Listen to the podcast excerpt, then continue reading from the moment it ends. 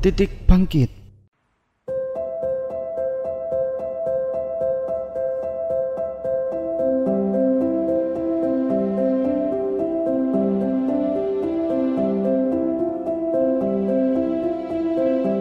Saya tahu dengan kondisi orang tua saya yang sangat terbatas, tapi saya tidak mau keterbatasan itu membuat diri saya itu menjadi kecil. Ya, berjuang sampai limit keterbatasan saya. Dengan berbekal cuma dikasih uang saku cuma sekitar ya 200 sampai 150 ribu per bulan. Dan saat itu harga kos-kosan itu udah 100, 150 sampai 200. Saya berpikir bahwasanya bagaimana saya harus hidup? Apakah saya harus uh, bekerja, cari beasiswa? Karena semester saya itu nggak mungkin saya cari beasiswa, sehingga saya harus bekerja menjadi pekerjaan pertama saya adalah tukang fotokopi. Tukang fotokopi ya dimulai Canon, mesin fotokopi Canon, Xerox, Minolta saya hafal. Ganti serbuknya, tonernya itu saya tahu. Dari situ bekerja sebenarnya tidak anu kan saya hanya minta bukan gaji pak saya minta dalam satu hari makan saya ditanggung saya tidak pernah minta uang pada saat itu hanya minta makan karena saya tidak mungkin uang dari orang tua itu untuk beli makan dalam waktu satu bulan full mungkin tanggal 15 saya harus puasa nah biar kondisi fisik, kondisi nutrisi saya pada waktu belajar itu memenuhi, saya bekerja dengan cara itu. Saya tidak minta uang pada saat itu. Saya ingat, Pak, tidak bisa saya bantu. Apa dek? Jaga fotokopi. Oh, gak gaji, saya tidak minta gaji. Saya hanya minta Bapak bayarin saya atau kasih makan saya. Saya hanya makan. Tujuannya pada waktu itu bekerja untuk makan. Jadi kalau ngomong uh, teori Maslow, kebutuhan pertama itu adalah makan, kesehatan. Lah itu beneran. Saya tidak mengambil uang tapi saya ngambil makan. Jadi kadang-kadang kasih nasi bungkus, kadang-kadang diajak ke warung, kan. Kadang-kadang cuma dikasih uang 15 ribu. Nah, sehari itu. Habis kuliah, kemudian kerja. Ketika nanti malam ada kuliah lagi, saya minta izin kuliah lagi. Itu pertama. Kemudian saya jalani hampir 8 bulan. Masuk ke semester kedua, saya kerja di rental komputer. Saya tahu orang tua saya jangankan membelikan CPU atau laptop, ya kan? Ya, saya tidak mungkin. Sehingga saya harus peras otak gimana caranya saya bisa mengerjakan tugas yang harus pakai diketik kemudian saya harus dapat uang dan saya juga dapat ilmu di situ. Dapat uang, nggak ngeluarin biaya, dan dapat ilmu. Kok bisa ke di rental? Saya mikir rental dulu internet di tahun 9998 itu booming, hampir saya booming. Di situ saya saya ngelamar, saya uh, di, dijadikan. Jadi ketika orang habis rental, habis ngetik, habis browsing, kemudian tekan enter kemudian keluar di kasir. Lah saya di kasir. Nah, pada waktu saya menunggu mereka saya bisa ngerjakan skripsinya orang ngetik. Terus saya bisa ngerjakan tugas saya sendiri dan yang tadi kawan saya dapat ilmu sampai detik ini pun saya menjadi pimpinan cabang mungkin saya bukan orang IT tapi kalau urusan jaringan urusan masalah software hardware saya mungkin paham dibandingkan teman-teman IT saya sendiri. Kok bisa? Karena saya diajari gini loh, cara ngerimping kabel itu kayak gini. Kemudian uh, setting IP kayak gini. Kemudian troubleshooting kalau printer rusak kayak gini. Terus kalau tintanya nggak keluar harus seperti apa. Itu diajari semua sama orang. Tahun 99. Tahun 99. Saya masih ingat itu adalah pil uh, apa?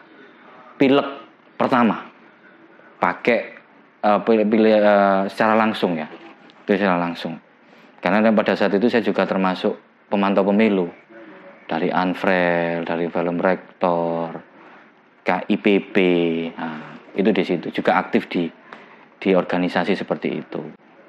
Sebagai penjaga rental komputer digaji waktu itu? Digaji. Digaji. Karena saya sudah ditanya sebelumnya kerja di mana? Jadi pengalaman kerja kita itu sebenarnya punya value. Bukan hanya untuk urusan duit. Nah jadi ketika kita pernah kerja di mana? Sudah pernah kerja di sini. Nah walaupun cuma jaga fotokopi tapi itu jadi value dan ada ilmunya Nah, di semester pertama ketika anak-anak mahasiswa masih berpikir menikmati status barunya di mahasiswa saya, sudah berpikir "Be- apa yang harus saya tulis ketika saya mau keluar dari kampus. Skripsi apa? Ketika ada orang eh, fotokopi saya baca satu-satu, oh ini toh skripsi namanya. Namanya skripsi itu seperti ini. Jadi semester 1 saya sudah punya judul. Saya mau nulis apa sih besok itu? Nah, jadi memang alhamdulillah saya ini diberikan jalan cerita sama Allah. Itu satu step atau beberapa step sebelum orang orang atau teman saya itu menjalani itu. Jadi orang belum berpikir skripsi, saya sudah berpikir skripsi. Orang belum berpikir kerja, saya sudah bekerja. Ya. Di saat teman-teman masih minta orang tua, saya minta beasiswa. Saya pernah dapat beasiswa EDB dari uh, Asian Development Bank. Kenapa saya tidak ngomong bahwa saya level terendah?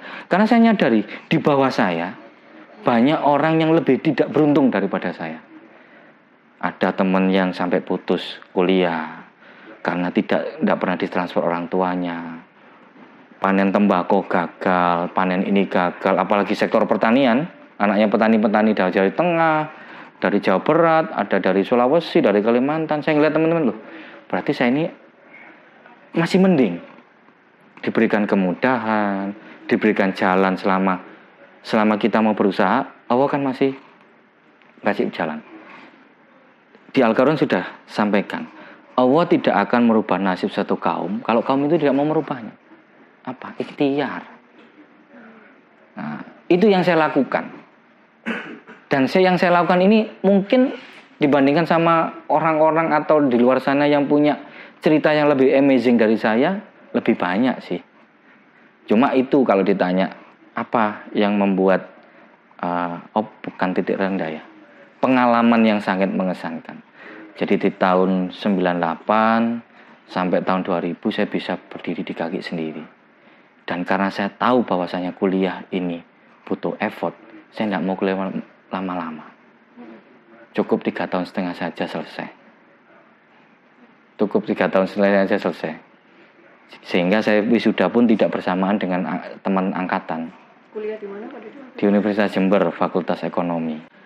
Kalau pengalaman organisasi, saya memang tidak menjadi orang itu yang sangat mm, penuh eh, planning. Besok kuliah, hari ini saya harus belajar apa yang harus dianukan.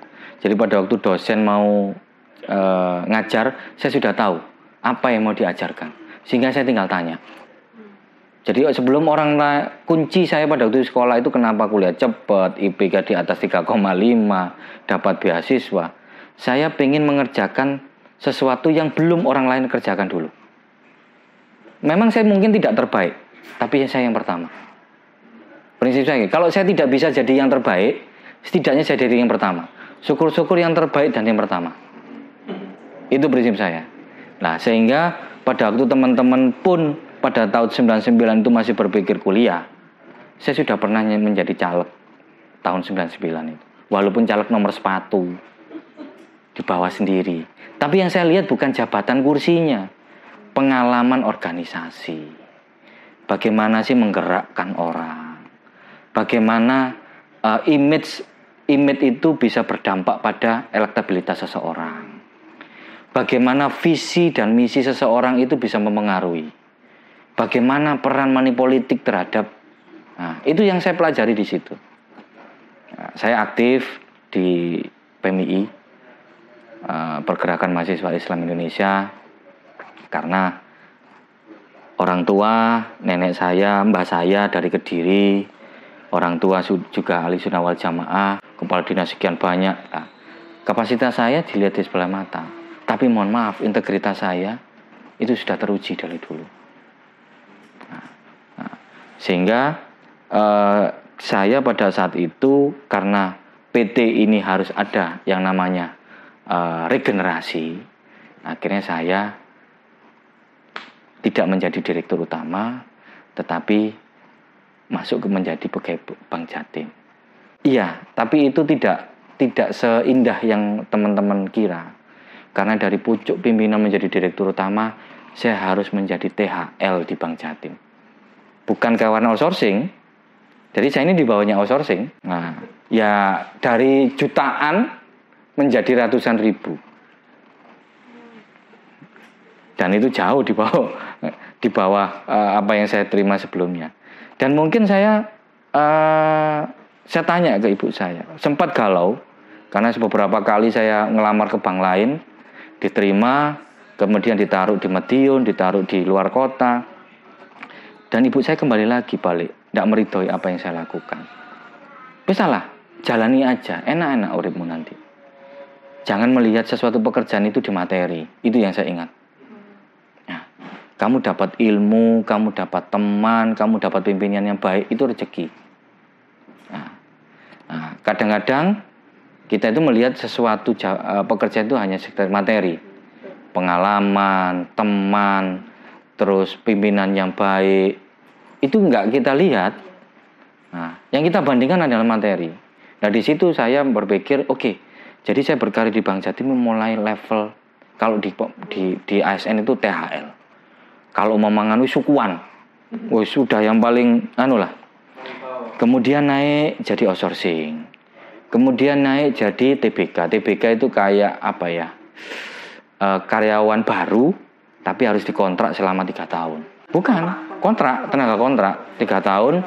Nah kemudian naik lagi jadi e, capek calon pegawai.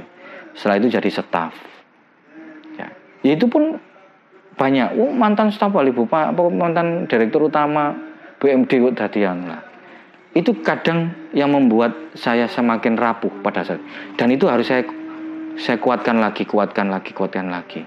Jadi bagaimana Allah menguji saya pernah di atas dan pernah menguji saya di bawah.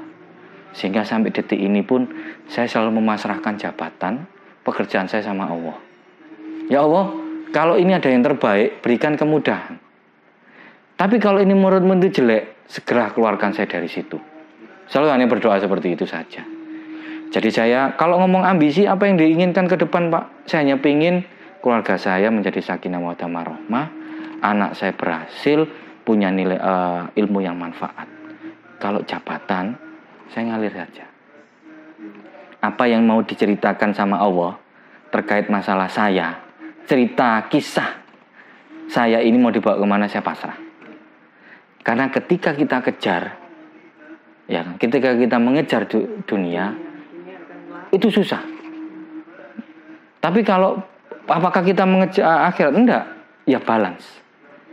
Nah, ikhtiar tetap, berdoa tetap, terakhir tawakal. Sudah ikhtiar ya? Nah, tawakal. Tahun berapa mulai di Jatim? Saya di Bank Jatim tahun 2005. Jadi sejak menjadi direktur utama langsung uh, pindah ke Anuka. Itu uh, NIP saya ada. Sebelumnya itu tidak punya NIP. Yaitu tadi mulai THL, mulai outsourcing, mulai itu punya itu semua. Nah, itu sampai saya punya uh, apa kayak Pigora gaji pertama saya, ya kan? Gaji pertama, kemudian Eh, ID card saya itu saya taruh Pigora biar kena apa katanya Bung Karno jas merah. Jangan sekali-sekali melupakan sejarah. Ketika saya sudah seperti itu ketika saya seperti yang ini lihat itu rasa syukur saya itu luar biasa. Oh ternyata saya pernah ke titik itu ya dengan gaji segitu ya. Dan alhamdulillah saya berkarir tidak pernah loncat mbak. Step demi step. Tidak ada yang saya loncati. Karena saya pernah ada teman uh, orang uh, senior yang berkata dan ini uh, salah satu mentor saya juga. Orang itu lebih baik di orbit daripada di karbit. Karena apa? Proses tidak akan mengkhianati hasil. Jadi jangan sampai di korbit, eh, di karbit, di orbit. Kalau karbit mungkin bisa naik secara cepat. Tapi kalau karbitnya habis, dia akan turun dengan sendirinya. Tapi kalau kita berproses dari step dengan step dengan step dengan step, kita itu kuat sesuai dengan kompetensi dan tanggung jawab. Kadang-kadang orang ketika di jabatan itu nggak kuat. Bahasanya orang orang Jawa itu nggak kuat derajat. Ya kan? Karena apa? Mungkin kompetensinya kurang. Mungkin rasa percaya dirinya kurang karena itu tadi tidak menghadapi dari langkah dengan langkah dengan langkah. Tapi kalau kita hadapi dengan satu langkah dengan langkah dengan langkah, pertama apa? Ya, kita senior di bawah kita mungkin tidak merasa sakit hati. Oh wajar dia naik karena dia punya prestasi. Tapi kalau kita di karbit, mungkin yang namanya pro kontra itu ada. Yang pro ya juga ada, yang kontra juga ada. Ya lebih baik pasrahkan sama Allah. Mungkin cerita Allah itu lebih indah dari apa yang mau kita bikin cerita sendiri. Ya, untuk sahabat-sahabat uh, Warta Bromo, uh, saya tidak berpesan, saya hanya menyampaikan uh, guru dan kiai saya pernah menyampaikan kepada saya, Dedi, jaga hatimu karena mempengaruhi pikiranmu. Jaga pikiranmu karena mempengaruhi ucapanmu. Jaga ucapanmu karena mempengaruhi perilaku dan tindakanmu. Dan yang terakhir, jaga tindakan dan perilakumu karena mempengaruhi nasibmu sahabat-sahabat itu secuil motivasi dan pesan dari kiai saya terkait makna dari hidup. Nah, mencari makna hidup itu lebih penting daripada mengajar kehidupan. Saya Dedi Aji Wijaya, pemimpin cabang Bank Jatim Pasuruan uh, untuk titik bangkit Warta Bromo Pasuruan.